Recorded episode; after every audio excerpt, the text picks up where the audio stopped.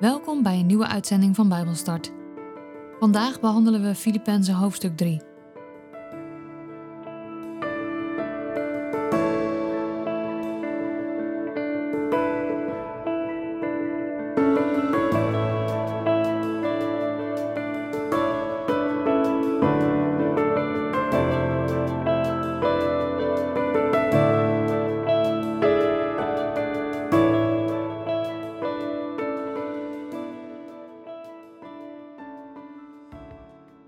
Lees met jullie uit de basisbijbel Filippenzen hoofdstuk 3. Maar wat er ook gebeurt, broeders en zusters, wees blij in de Heer. Voor mij is het niet vervelend om jullie dit weer te schrijven. En voor jullie is het goed om het nog een keer te horen. Pas op voor de mensen die de Heer niet werkelijk dienen. Zij doen jullie kwaad met hun verkeerde ideeën. Want ze willen dat jullie je laten besnijden, omdat ze vinden dat jullie anders niet bij God horen. Maar het heeft helemaal geen zin om je te laten besnijden. Want het helpt ons niet als we in ons lichaam snijden. We zijn pas echt besneden en horen dus pas echt bij God als we God door zijn geest dienen en als we vertrouwen op Jezus Christus om gered te worden en niet op onszelf. Toch zou ik wel een goede reden hebben om op mezelf te vertrouwen, meer dan wie dan ook. Want ik ben besneden toen ik acht dagen oud was. Ik ben geboren uit het volk Israël, uit de stam van Benjamin. Ik ben dus een echte Jood uit de Joden. Wat betreft de Joodse wet, ik hield mij aan wat de Fariseeërs leerden. En omdat ik zo mijn best deed voor God, vervolgde ik de gemeente. Volgens de Joodse wet was ik volmaakt. Maar al die dingen waar ik zo trots op was, vind ik nu waardeloos. Want ze stonden mij in de weg om bij Christus te komen. Ja, ik vind het nu allemaal waardeloos, omdat het niet zo kostbaar is als het kennen van mijn Heer Jezus Christus. Voor Hem heb ik het allemaal als troep weggegooid, om Christus te kunnen ontvangen. Want dan zou ik vrijgesproken worden van schuld. Niet doordat ik mij zo goed aan de Joodse wet gehouden had, maar door mijn geloof in Christus. Want alleen daardoor heeft God mij vrijgesproken van schuld. Nu kan ik Hem werkelijk leren kennen. Nu ken ik ook de kracht waardoor Hij uit de dood opstond.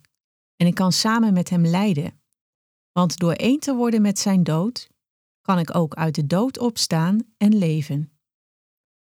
Ik verbeeld me niet dat ik er al ben of dat ik al volmaakt ben, maar ik doe erg mijn best om die volmaaktheid te grijpen. Want dat is het doel waarvoor ik ben gegrepen door Jezus Christus. Broeders en zusters, ik verbeeld me niet dat ik mijn doel al heb bereikt, maar ik doe maar één ding. Ik vergeet wat voorbij is en strek mij uit naar wat nog komen gaat. Ik span mij tot het uiterste in om mijn doel te bereiken. Dat doel is het winnen van de hemelse prijs die God mij in Jezus Christus zal geven. Ik zal die prijs krijgen als ik de taak af heb die Hij mij heeft gegeven. Dat zouden we allemaal als doel moeten hebben als we geestelijk volwassen zijn. Het kan zijn dat jullie er op een of ander punt nog anders over denken. Maar dan zal God het jullie nog wel duidelijk maken. Maar we moeten in eenheid verder gaan met wat we nu alvast hebben bereikt. Leef allemaal zoals ik, broeders en zusters. Kijk ook goed naar de mensen die dat ook doen. Zij en ik zijn jullie voorbeelden. Want er zijn veel mensen die leven alsof ze vijanden van de gekruisigde Christus zijn. Ik heb jullie dat al eerder gezegd, maar nu zeg ik het ook met tranen in mijn ogen. Met hen zal het uiteindelijk slecht aflopen. Want hun buik is hun God. Ze doen walgelijke dingen. En ze zijn er nog trots op ook. Ze leven net als de ongelovige mensen. Maar wij zijn bewoners van een koninkrijk in de hemel. En zo moeten wij ook leven. En daar vandaan verwachten we ook de Heer Jezus Christus als onze redder. Hij zal ons sterfelijke lichaam veranderen. Het zal dan hetzelfde worden als zijn hemelse lichaam. Dat doet hij door de kracht waarmee hij alle dingen aan zich gehoorzaam maakt.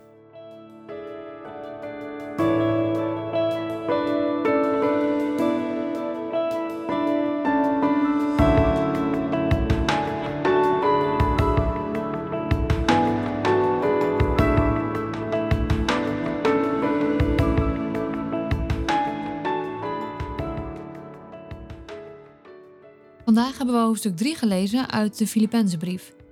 Het derde hoofdstuk is in de basisbijbel opgedeeld in drie onderdelen. Vers 1 tot en met 3 is een waarschuwing.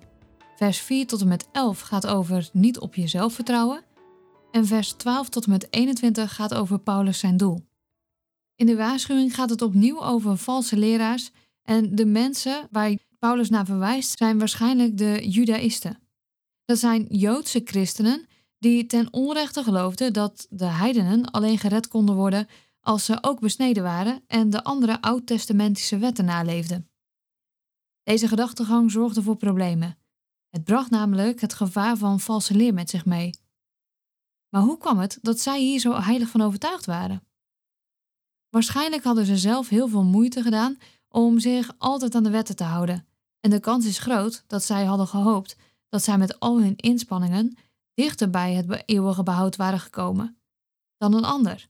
Maar niets is minder waar, want het gaat niet om hun besnijdenis en om het houden van de wet. Het gaat erom dat je gelooft dat Jezus voor jouw zonde aan het kruis gestorven is en is opgestaan. En Paulus verweet de Judaïsten dat zij door hun stroming verwarring brachten. Zij dachten dat ze christenen waren door de dingen die ze deden. Maar wat christenen doen is een gevolg van het geloof, niet een voorwaarde tot geloof. In Handelingen 15 hebben we al kunnen lezen dat jaren voor deze brief geschreven werd, de leiders van de eerste gemeente in Jeruzalem dit ook al op een vergadering hadden uitgesproken. In Handelingen gaat het vaker over de besnijdenis en de vragen of, of mensen zich dus wel of niet moesten laten besnijden om christen genoemd te kunnen worden. Het is belangrijk om te weten en om in gedachten te houden dat niemand iets toe kan voegen aan de genade van Jezus. Alle inspanningen op godsdienstig gebied zijn makkelijker te zien voor buitenstaanders dan voor mensen die binnen die kring zijn, om maar zo te zeggen. We kunnen namelijk geloof niet meten door te kijken hoeveel rituelen mensen uitoefenen. En door te kijken naar hoeveel activiteiten mensen doen.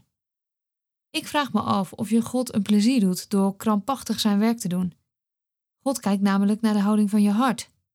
Doe je de dingen die je doet uit liefde voor God of uit angst voor het oordeel? En dan kan je je laten leiden door angst voor het oordeel van God, maar ook door angst voor het oordeel van mensen. God ziet wat je voor hem doet en Hetgene wat hij van ons vraagt is zijn onverdiende geschenk van genade en verlossing aan te nemen. En vanuit die waarschuwing die Paulus geeft, gaan we eigenlijk meteen verder op het tweede onderdeel van dit hoofdstuk, namelijk dat je niet op jezelf moet vertrouwen. Het lijkt er in eerste instantie op dat Paulus aan het opscheppen is over zijn eigen prestaties. Maar als je goed leest, zie je dat dat niet het geval is. Hij wil duidelijk maken dat niemand door zijn eigen prestaties eeuwig leven kan verdienen. Ik denk dat Paulus voor zijn bekering een fantastische cv had. Ik weet niet hoe lang het geleden is dat jij hebt gesolliciteerd, maar ik vond het opmaken van mijn cv altijd best wel lastig. Ik ben nogal een doer en dat betekent dat ik heel erg veel dingen gedaan heb. Niet dat ik duizend en één banen heb gehad, maar naast mijn werk deed ik vaak nog wel iets anders erbij. Terwijl ik in de supermarkt werkte, werkte ik ook in een verzorgingshuis voor dove ouderen. Ik deed vrijwilligerswerk en ik zat in een bestuur van een stichting. Natuurlijk snap ik dat als je ergens voor solliciteert, dat je dan ook met een cv aan wil komen die ook ergens aansluit op de functie waarop je solliciteert. Overigens heb ik vier keer gesolliciteerd in mijn leven en alle vier keren voldeed ik niet aan de voorwaarden van de vacature. Eén keer hoorde ik niets en de andere drie keren ben ik gewoon aangenomen. En toch geloof ik niet dat God naar mijn cv gekeken had toen hij mij mijn roeping gaf. En zo is het ook bij Paulus. Paulus' roeping was niet op basis van zijn eigen prestaties. Paulus' roeping was op basis van Gods genade. Paulus besefte dat zijn eigen prestaties, hoe indrukwekkend ook hè, niet voldoende waren om zelf redding te verdienen. Paulus besefte dat redding alleen mogelijk is door het geloof in Jezus. Paulus wist dus dat hij voor de Joodse wet volmaakt was. Hij was besneden, kwam uit de stam Benjamin, hield zich aan alles van wat de Farizeeërs leerden en toch vindt hij al die punten nu waardeloos. En dat komt omdat ze hem bij Jezus vandaan hielden. En daardoor dacht Paulus dat het christendom een valse leer was. Jezus voldeed helemaal niet aan zijn verwachtingen van de Messias. En daarom dacht Paulus dat de uitspraken van en over Jezus niet waar konden zijn en misschien ook wel slecht waren. Daarnaast zag hij het christendom ook als een politieke bedreiging, want het bedreigde de zwakke relatie tussen de Joden en het Romeinse bestuur. Alles waarvan hij dacht dat het de waarheid was, Gods waarheid was, bleek niet te kloppen toen Jezus hem persoonlijk aansprak. En die persoonlijke relatie met Jezus is hem veel meer waard dan al het andere in zijn leven. Is er iets wat jij hoger hebt staan dan jouw relatie met Jezus? Is Jezus jouw hoogste prioriteit? En zo nee, hoe zou je ervoor kunnen zorgen dat Jezus wel jouw hoogste prioriteit wordt? Paulus had het echt goed voor elkaar en toch heeft hij alles opgegeven. Alles. Maar hij had het ervoor over, want hij kreeg een relatie met Jezus ervoor terug. En dat bracht hem onbeschrijfelijke vreugde en de zekerheid dat hij met Christus op zou staan. In de eerste studie over de Filippenzenbrief heb ik aangegeven dat ieder hoofdstuk een ander soort blijdschap beschrijft. En het zal je niet verbazen dat de blijdschap die in hoofdstuk 3 beschreven wordt, blijdschap in het geloof is. Paulus is zich ervan bewust dat niets wat hij doet echte vreugde brengt. Hij weet blijdschap te vinden in lijden, in het dienen, in het geloven en in het geven. En over dat laatste gaat het in het volgende hoofdstuk, hoofdstuk 4. En dat is dus de volgende uitzending. Maar het gaat natuurlijk niet alleen maar om blijdschap in het geloof, want ook christenen komen voor situaties te staan waarin blijdschap ver te zoeken is. En opnieuw haalt Paulus dan de wedstrijd aan. Net zoals hij in Corinthiërs 9 deed.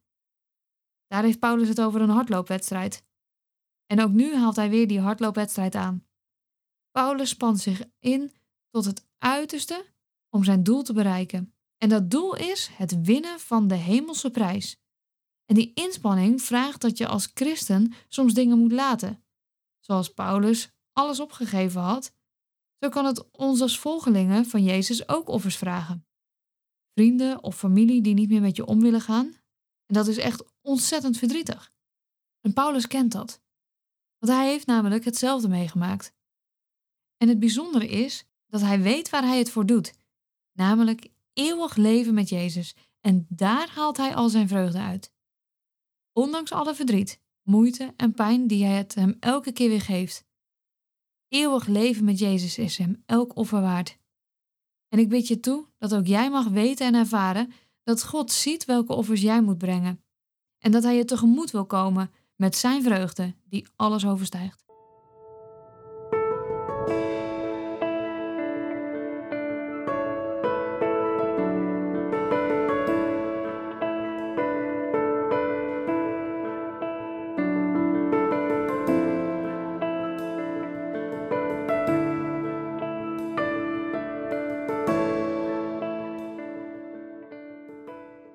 Dit was Bijbelstart, een programma van TWR. Het is gebaseerd op het Amerikaanse programma Through the Bible, ook wel TTB genoemd. En deze uitzending is een samenvatting van twee afleveringen. Wil je meer weten? Ga dan naar ttb.org of ga naar twr.nl/bijbelstart.